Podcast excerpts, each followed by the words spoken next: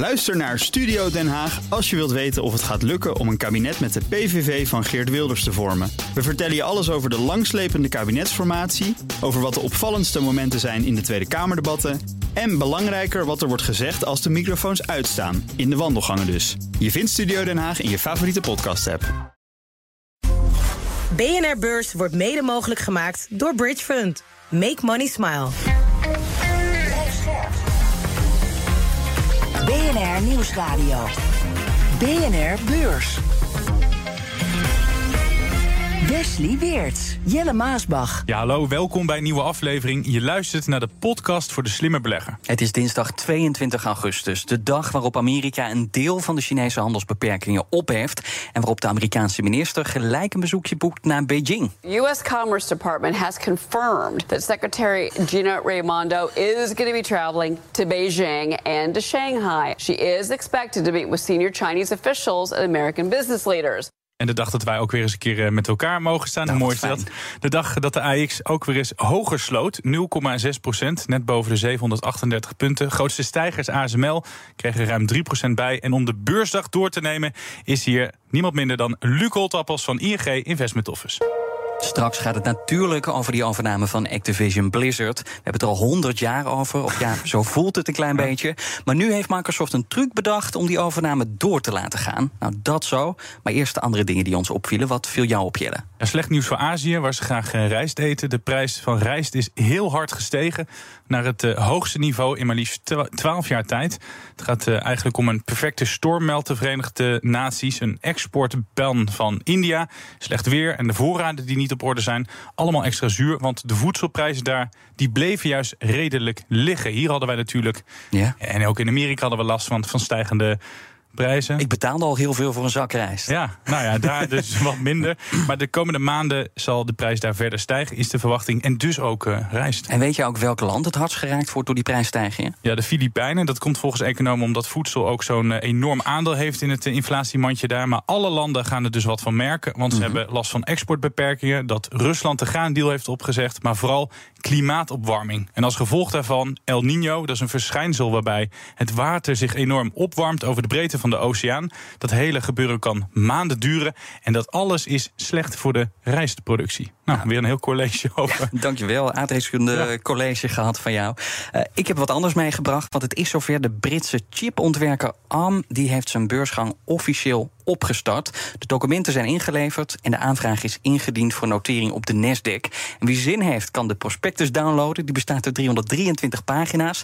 En jawel, hij bevat 55 keer het beursbuzzwoord van het jaar. En dat is, Jelle, Iets waar jij het elke dag over hebt, AI. ja, inderdaad. En daar staat ook die prospectus mee vol. Maar ja, hiermee komt dus wel die beursgang van het jaar in de VS een stuk eh, dichterbij. Hoeveel aandelen en voor welke prijs zullen worden verkocht, dat wordt volgende maand bekendgemaakt. En SoftBank, dat is de eigenaar van ARM, die wil in ieder geval zo'n 10% van de aandelen verkopen. En mikt op een waardering tussen de 60 en 70 miljard dollar.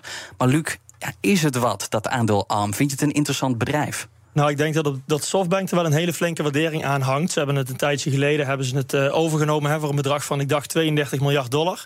Eh, ze plakken er nu een waardering op van zo'n 60 tot 70 miljard dollar. Ehm, ik snap natuurlijk dat ze hem eh, hoog inzetten, dat ze er optimistisch over zijn. Dit is het bedrag waarvoor zij hem in de boeken hebben. Maar misschien wel aan de forse kant. ARM is ook geen Nvidia, zo heb ik gelezen. Ik, ik heb niet de hele prospectus uiteraard doorgenomen. Nou, dat snap ik. Ehm, Wij ook niet maar hoor. Ze, ze zitten vooral toch op die kant van die chips voor processoren. En ze zitten in heel veel telefoons. Ehm, maar of dit, deze beurswaardering echt gewaardeerd is, hoe zij het nu inschatten, dat, eh, nou, daar heb ik mijn twijfels bij. Ja, er hangt ook een hoop hype natuurlijk rond het bedrijf. Dus dan kan het bijna alleen maar tegenvallen. Ja, als je het woord AI zo vaak gebruikt, dan ben je het eh, automatisch al een beetje aan het hypen. Dus, maar eh, wellicht helpt het. Wat mij opviel, iets heel anders. Kid Rock, die drinkt gewoon nog Bud Light. Oh, maar dat is nieuws. Zeker, daar gaat het al dagen over in de VS. De man die, nadat een transgender persoon een samenwerking aanging met Bud... Bud ineens ging cancelen. Hij stond zelfs op blikjes te schieten.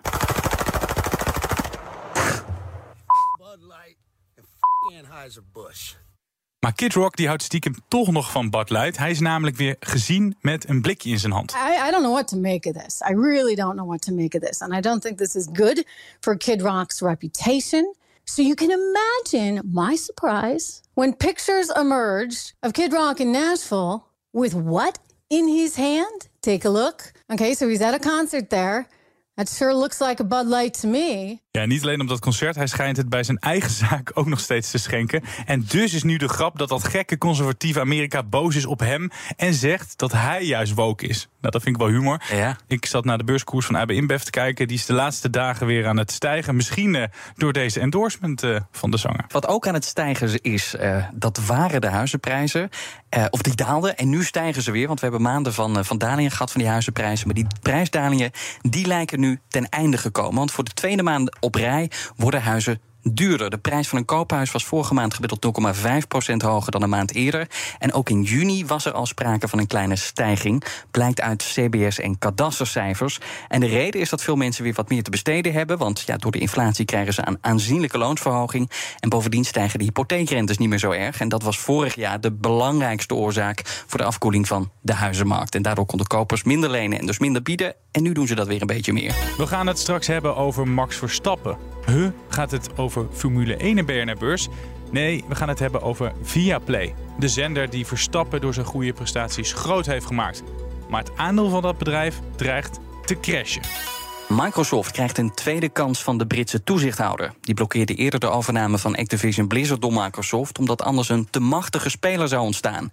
En om die zorgen weg te nemen en alsnog toestemming te krijgen, doet Microsoft nieuwe toezeggingen. Microsoft verkoopt de streamingrechten van alle Activision games aan Ubisoft, een andere gamemaker. En de Britse toezichthouder gaat nu kijken of hij alsnog akkoord gaat met de overname.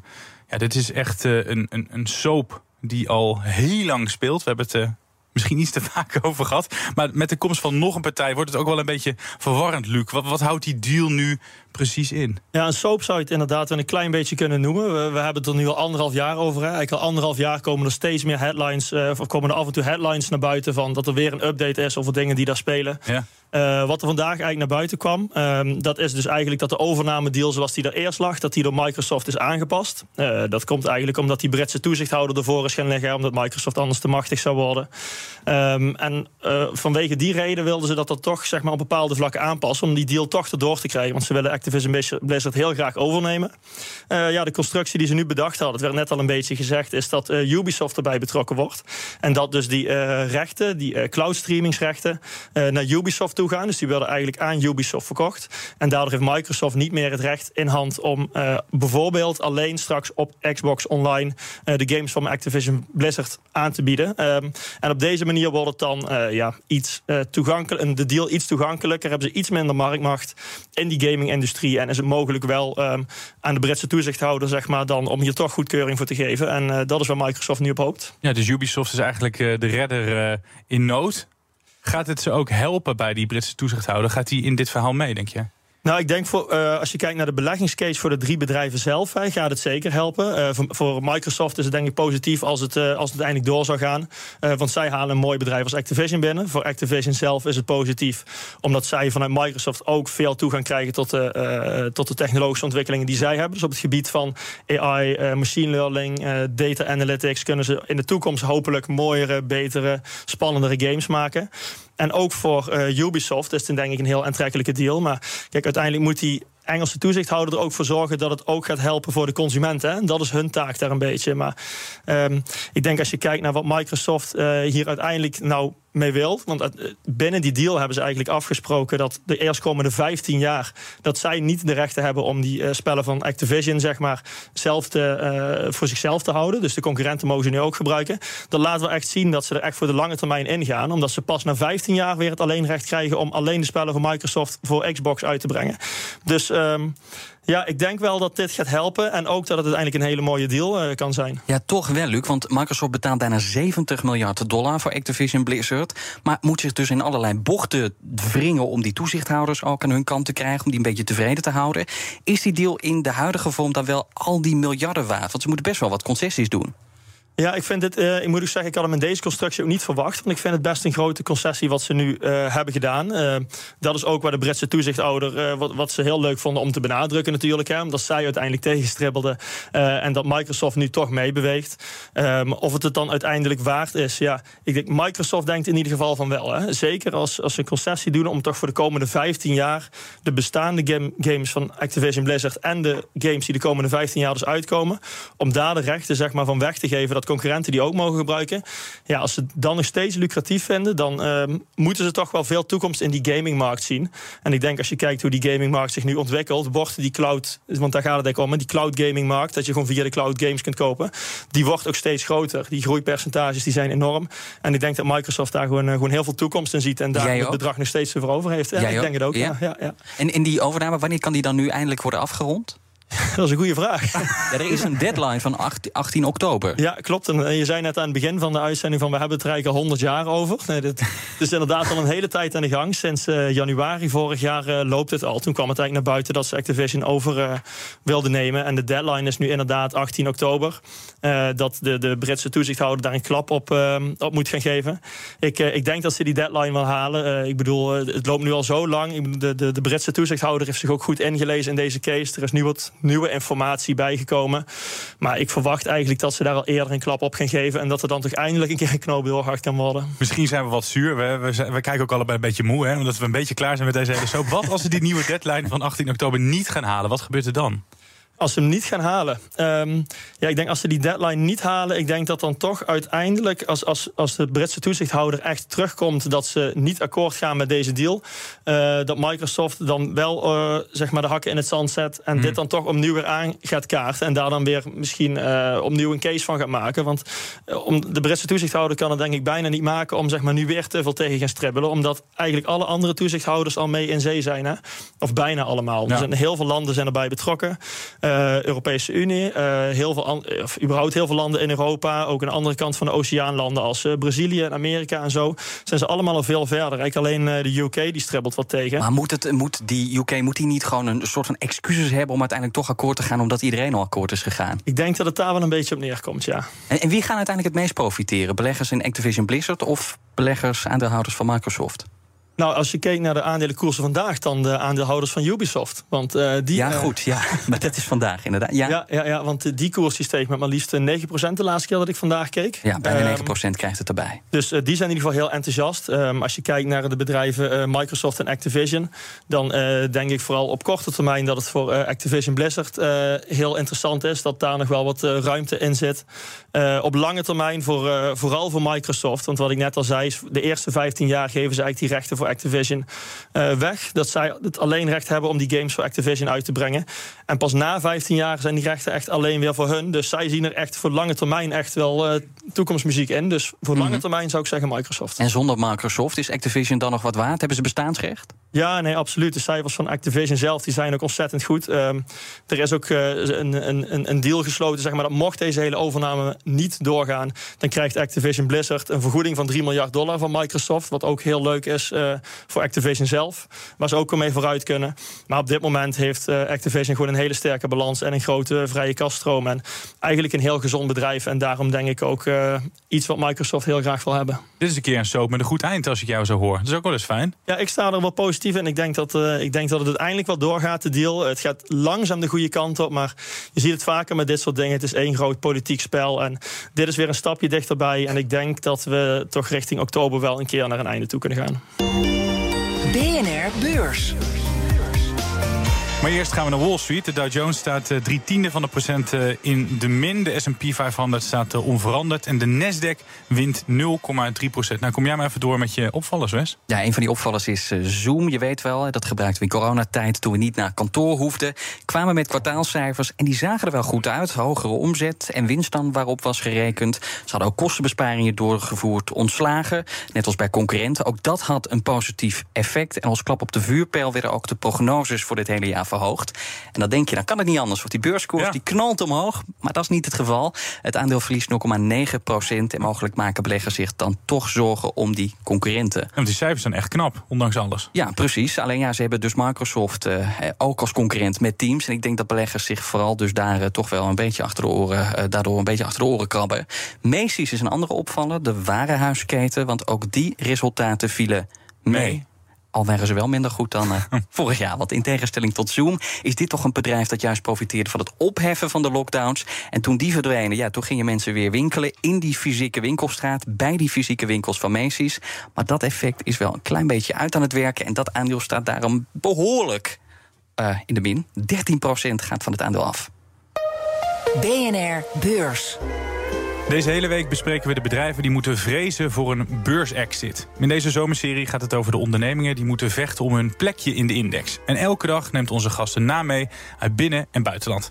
Nou, Luc, welk aandeel heb jij voor ons meegenomen? Ja, ik heb vandaag dus het aandeel Viaplay meegenomen. Dat is, uh, zoals de meeste mensen denk ik wel weten, een, uh, een Zweeds bedrijf. Het is een streamingdienstbedrijf. Ja. Uh, dat, dat is opgericht in 2007 en naar de beurs is gegaan pas in, in 2019. Dus pas, pas vier jaar geleden. Um, ik denk dat de meeste Nederlanders de naam eigenlijk pas sinds vorig jaar kennen. Het is uh, sinds uh, vorig jaar, ik dacht mei, mei 2022, heeft het uh, de rechten van de Formule 1 in Nederland ja. in handen. waarbij het flink op heeft moeten bieden tegen concurrent toen in de biedingsstrijd Ziggo. hebben ze heel fors tegenop moeten bieden. en uiteindelijk hebben ze dat gewonnen. Dus die rechten hebben ze nu in handen, waardoor toch veel Nederlanders daar nu een, een abonnement bij hebben. Maar de aandelenkoers die is de afgelopen vier jaar, eh, als je per saldo bekijkt, nog niet ontzettend hard gestegen. Integendeel zelfs. En ik zie er in de toekomst ook niet heel veel uh, hel in eigenlijk. Nee, want een paar maanden geleden begon het uh, gedonderen. Toen gingen ze waarschuwen voor de slechte tijden die eraan zaten te komen. En inmiddels is er 75% van de beurskoers af dit jaar. Waardoor kwamen ze ook alweer in de problemen? Ja, de problemen die begonnen, of de problemen die spelen al wat langer. Maar de, de, klap op de beurs die kwam eigenlijk echt begin juni, hè, toen ze met cijfers uitkwamen. Uh, waaruit bleek dat uh, het aantal abonnees uh, was afgenomen in plaats van toegenomen. En dat is wat je, niet natuurlijk wat je wilt als je zeg maar, van de daken schreeuwt dat je groeiambities hebt. Uh, en daarnaast waren de advertentieinkomsten ook nog teruggelopen. Uh, ik weet van die abonnees waren, ik dacht van 7,5 miljoen naar 6,5 miljoen teruggegaan. Waarvan de meeste mensen eigenlijk ook nog zeg maar, in de Scandinavische landen een abonnementje daar hebben. En ik dacht dan 1 miljoen Nederlanders. Nou, 1 miljoen Nederlanders zou je zeggen, dat is best veel. Is misschien ook best veel. Maar kijk, als je per saldo gewoon krimpt en in de beleggers verwachten enorme groei en je spreekt dat ook uit. Dan ja, als je dan niet met die cijfers komt, dan valt het natuurlijk ontzettend tegen. En, en je hebt enorme kosten natuurlijk, want je zegt het al, je hebt heel veel geld moeten betalen voor die peperdure sportrechten. En als je dan abonnees ziet weglopen? Ja, dat is een beetje de spagaat waar ze in zitten, denk ik. Hè? Want ze zijn vrij laat op deze markt gekomen. Uh, als je kijkt, Netflix is opgericht in 1997. Dit bedrijf pas in uh, 2007 en pas in 2019 naar de beurs toe gegaan. Um, ja, als je dan pas zo laat binnenkomt uh, en je moet eigenlijk en je, je inkomsten zeg maar, op peil houden, omdat je die mhm. sportrechten terug moet verdienen. Maar je hebt ook nog geen marktaandeel. Dus je moet de prijs hoog gooien, omdat je je kosten moet dekken. Maar je hebt ook nog geen marktaandeel. Dan, dan zit je eigenlijk in een spagaat. En dan komen ze eigenlijk niet goed uit. En daardoor vielen die cijfers ook tegen. En uh, ja, volgens mij ging dat toen uh, 75% vanaf 1 januari eraf. Hè. En volgens mij was het toen ook op één dag 60 of 70% ja, of zo. Ja, dat was gigantisch. Dus uh, dat was vrij fors. Dus beleggers die schrokken daar wel van, ja. Even advocaat van de duivel, hebben ze wel genoeg tijd gekregen? Want ja, wat je zegt, je moet heel veel uitgeven aan content. Je moet programma's opbouwen. Hebben ze wel de tijd gekregen? Nou, ik, ik, kijk, ze zitten nu uh, vier jaar op de beurs ongeveer. En, en beleggers die, uh, die, die zijn vaak niet heel geduldig. Hè? Dat is het nadeel van een beursnotering. Als je een beursnotering hebt, dan heb je te maken met beleggers en investeerders van buitenaf. En die verwachten op korte termijn ook resultaten. En dat kan dus ook een nadeel zijn van zo'n beursnotering. Uh, en ik denk dat een bedrijf als Viaplay dat die uh, misschien moeten gaan kijken of ze niet een strategische koersverandering uh, moeten gaan realiseren. Want als je kijkt wat ze nu gaan doen, willen ze eigenlijk gaan concurreren met een Amazon, Netflix, Disney Plus. Die hebben allemaal enorme marktaandelen. Ja. Netflix 20%, Amazon ook. Beetje ongelijke strijd. Ja, ja, precies. En ik denk niet dat dat, dat dat gaat werken, dat dat de goede koers is. Ze hebben in, in Scandinavië hebben ze een sterke basis. En ik denk dat het goed is om daarbij te blijven. Maar zolang ze zeg maar, willen concurreren met grote jongens en op dat toneel mee willen doen, dan zijn er gewoon vanuit beleggers ook uh, verwachtingen op korte termijn. En dan is een beursgang of een, notering misschien niet even handig. Want jij denkt, en dan komen we bij het onderwerp van, van, van dit blokje. Jij denkt dat een, een exit eerder uh, aanstaande is dan dat ze nog door blijven gaan op de beurs. Ik denk dat uh, een exit ja, mogelijk wel aanstaande zou kunnen zijn. Zeker als je kijkt wat er nu van, uh, van de beurskoers al af is gegaan.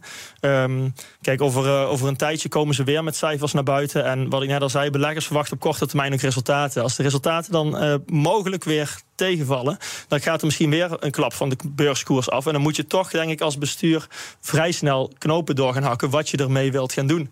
Uh, want als die beurskoers te ver inzakt, dan word je al snel overname materiaal. Nou, dan verdwijnt je notering sowieso. Hè. Dan ga je ja. op in een ander bedrijf.